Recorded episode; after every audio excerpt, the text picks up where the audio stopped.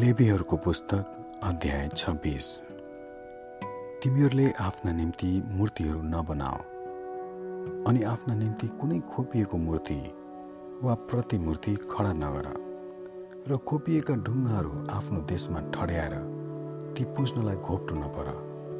म परमप्रभु तिमीहरूका परमेश्वर हुँ। तिमीहरूले मेरो सबात पालन गर र मेरो पवित्र स्थानको आदर गर। म परमप्रभु हुँ। मेरा नियमअनुसार चलेर मेरा आज्ञाहरू तिमीहरूले पालन गर्यौ भने म ठिक ठिक समयमा झरी वर्षाउनेछु र जमिनले उब्जनी दिनेछ र खेतका रुखहरूमा फलफुल लाग्नेछन्। दाग पटुल्ने समयसम्मै तिमीहरूले दाई गर्नेछौ र रोपाइँको समयसम्मै दाग बटुल्नेछौ तिमीहरूलाई खानु पिउनुमा दुःख हुने छैन र देशमा तिमीहरू निर्धक्क हुनेछौ। म देशमा शान्ति दिनेछु। तिमीहरू ढल्केर निधाउनेछौ र तिमीहरूलाई कसैले तर्साउने छैन। म देशबाट हिंसक पशुहरूलाई हटाइदिनेछु अनि तिमीहरूको देशमा लडाइँ हुने छैन। तिमीहरूले आफ्ना शत्रुहरूलाई खेदेर तरवारले सोत्तर पार्नेछौ। तिमीहरूका पाँचजनाले सयजनालाई र सयजनाले दस हजारजनालाई खेद्नेछन् तिमीहरूका शत्रुहरू तिमीहरूका तरवारले सोत्तर हुनेछन्। म तिमीहरूमाथि निगाह राख्नेछु र तिमीहरूलाई फल्दो फुल्दो बनाएर तिमीहरूको वृद्धि गर्नेछु र मेरो करार तिमीहरूसित स्थिर गर्नेछु। तिमीहरूले सञ्चय गरेका राखेको पुरानै फसलको अन्न खाँदा खाँदै पनि नयाँ फसलको लागि ठाउँ मिलाउनु पुर्याउनु अन्न चाहिँ हटाउनु पर्नेछ। तिमीहरूलाई घृणा नगरी म तिमीहरूकै बिचमा बास गर्नेछु।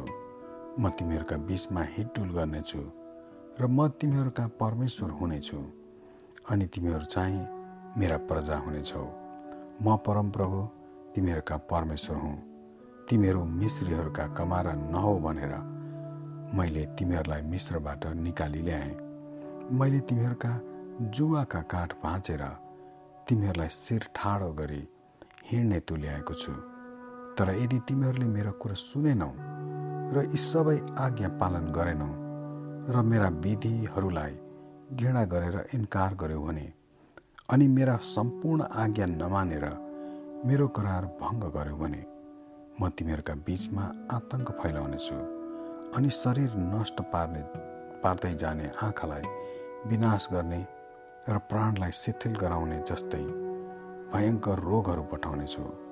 तिमीहरूले रोपेका बिउहरू खेर जानेछन् किनकि तिमीहरूका शत्रुहरूले फसल खाइदिनेछ। म तिमीहरूको विरोध गर्नेछु र तिमीहरू शत्रुका हातबाट परास्त हुनेछौ।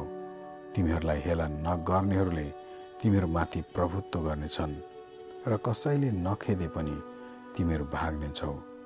तिमीहरूले अझै पनि मलाई टेरेनौ भने तिमीहरूका पापको सात गुणा बढी सजाय म तिमीहरूलाई दिनेछु।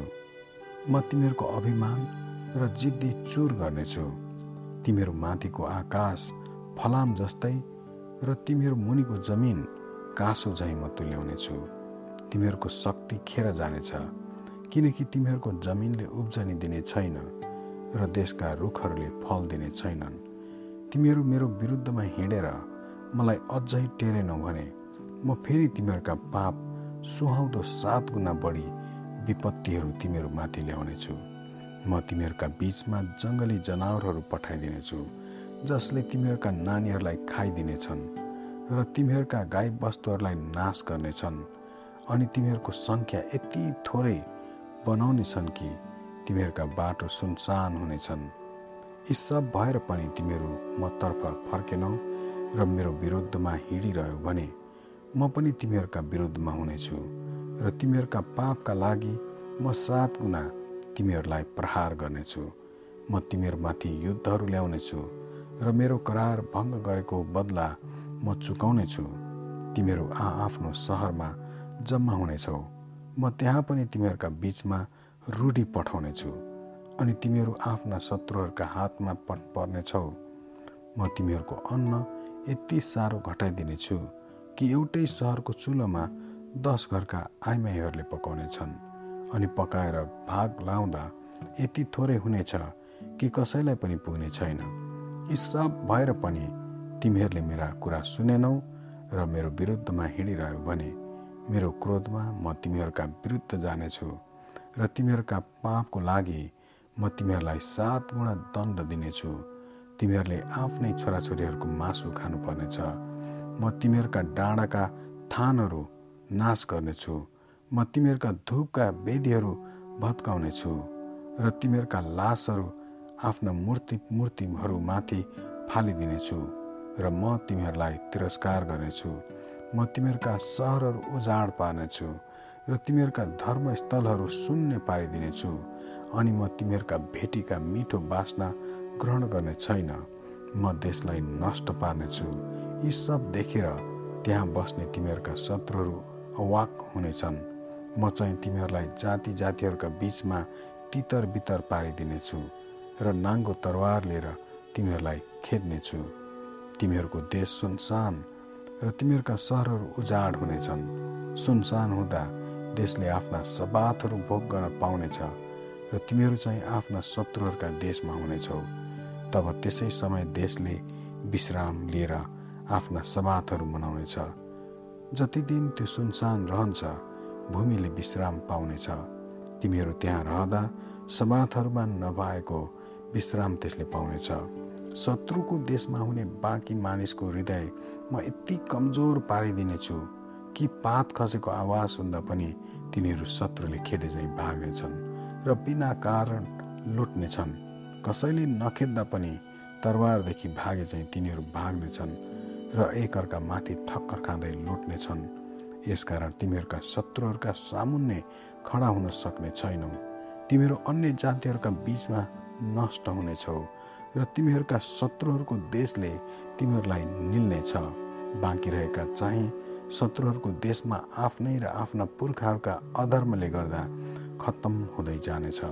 तर यदि तिनीहरूले आफ्नै र आफ्ना पिता पुर्खाका पाप र मेरो विरुद्धमा तिनीहरूले विश्वासघात गरेको अधर्म र म प्रति देखाएको शत्रुता स्वीकार गरे भने जसले गर्दा म तिनीहरूको शत्रु भएँ र मैले तिनीहरूलाई तिनीहरूका शत्रुहरूको देशमा पठाएँ। यदि आफ्ना दुष्ट हृदय नम्र तुल्याई आफ्ना पापका लागि सजाय भोगे भने याकुब इसाहक र अब्राहमसँग गरेको मेरो करारको साथै त्यो देशलाई पनि म सम्झनेछु। त्यो देश तिनीहरूले त्याग्नेछन्। र तिनीहरू बिना उजाड रहँदा देशले आफ्ना सवातहरू भोग गर्नेछ अनि तिनीहरूले आफ्नो अधर्मको सजाय भोग्नेछन्। जुन सजाय मेरो विधान ल्याउँदा र मेरा विधिलाई तिरस्कार गर्दा मैले तिनीहरूलाई दिएको थिएँ। यी सब गरे तापनि जब तिनीहरू शत्रुको देशमा हुन्छन् तब म मेरो तिरस्कार र घृणामा तिनीहरूलाई सखापै त पार्ने छैन तर मेरो करार पनि तोड्ने छैन। म परमप्रभु तिमीहरूका परमेश्वर हुँ। तर म तिनीहरूका खातिर तिनीहरूका पुर्खाहरूसँग गरेको करार सम्झनेछु। मैले तिनीहरूका परमेश्वर हुनलाई तिनीहरूका पुर्खाहरूलाई अन्य जातिहरूकै सामुन्य मिश्रबाट निकालेर ल्याएको थिएँ। म परमप्रभु हुँ। सिनै पर्वतमा आफू र इजरायलीहरूका बिचमा परमप्रभुले मोसाका द्वारा ठहराउनु भएका विधि विधान र नियमहरू यिनै हुन्। आमेन।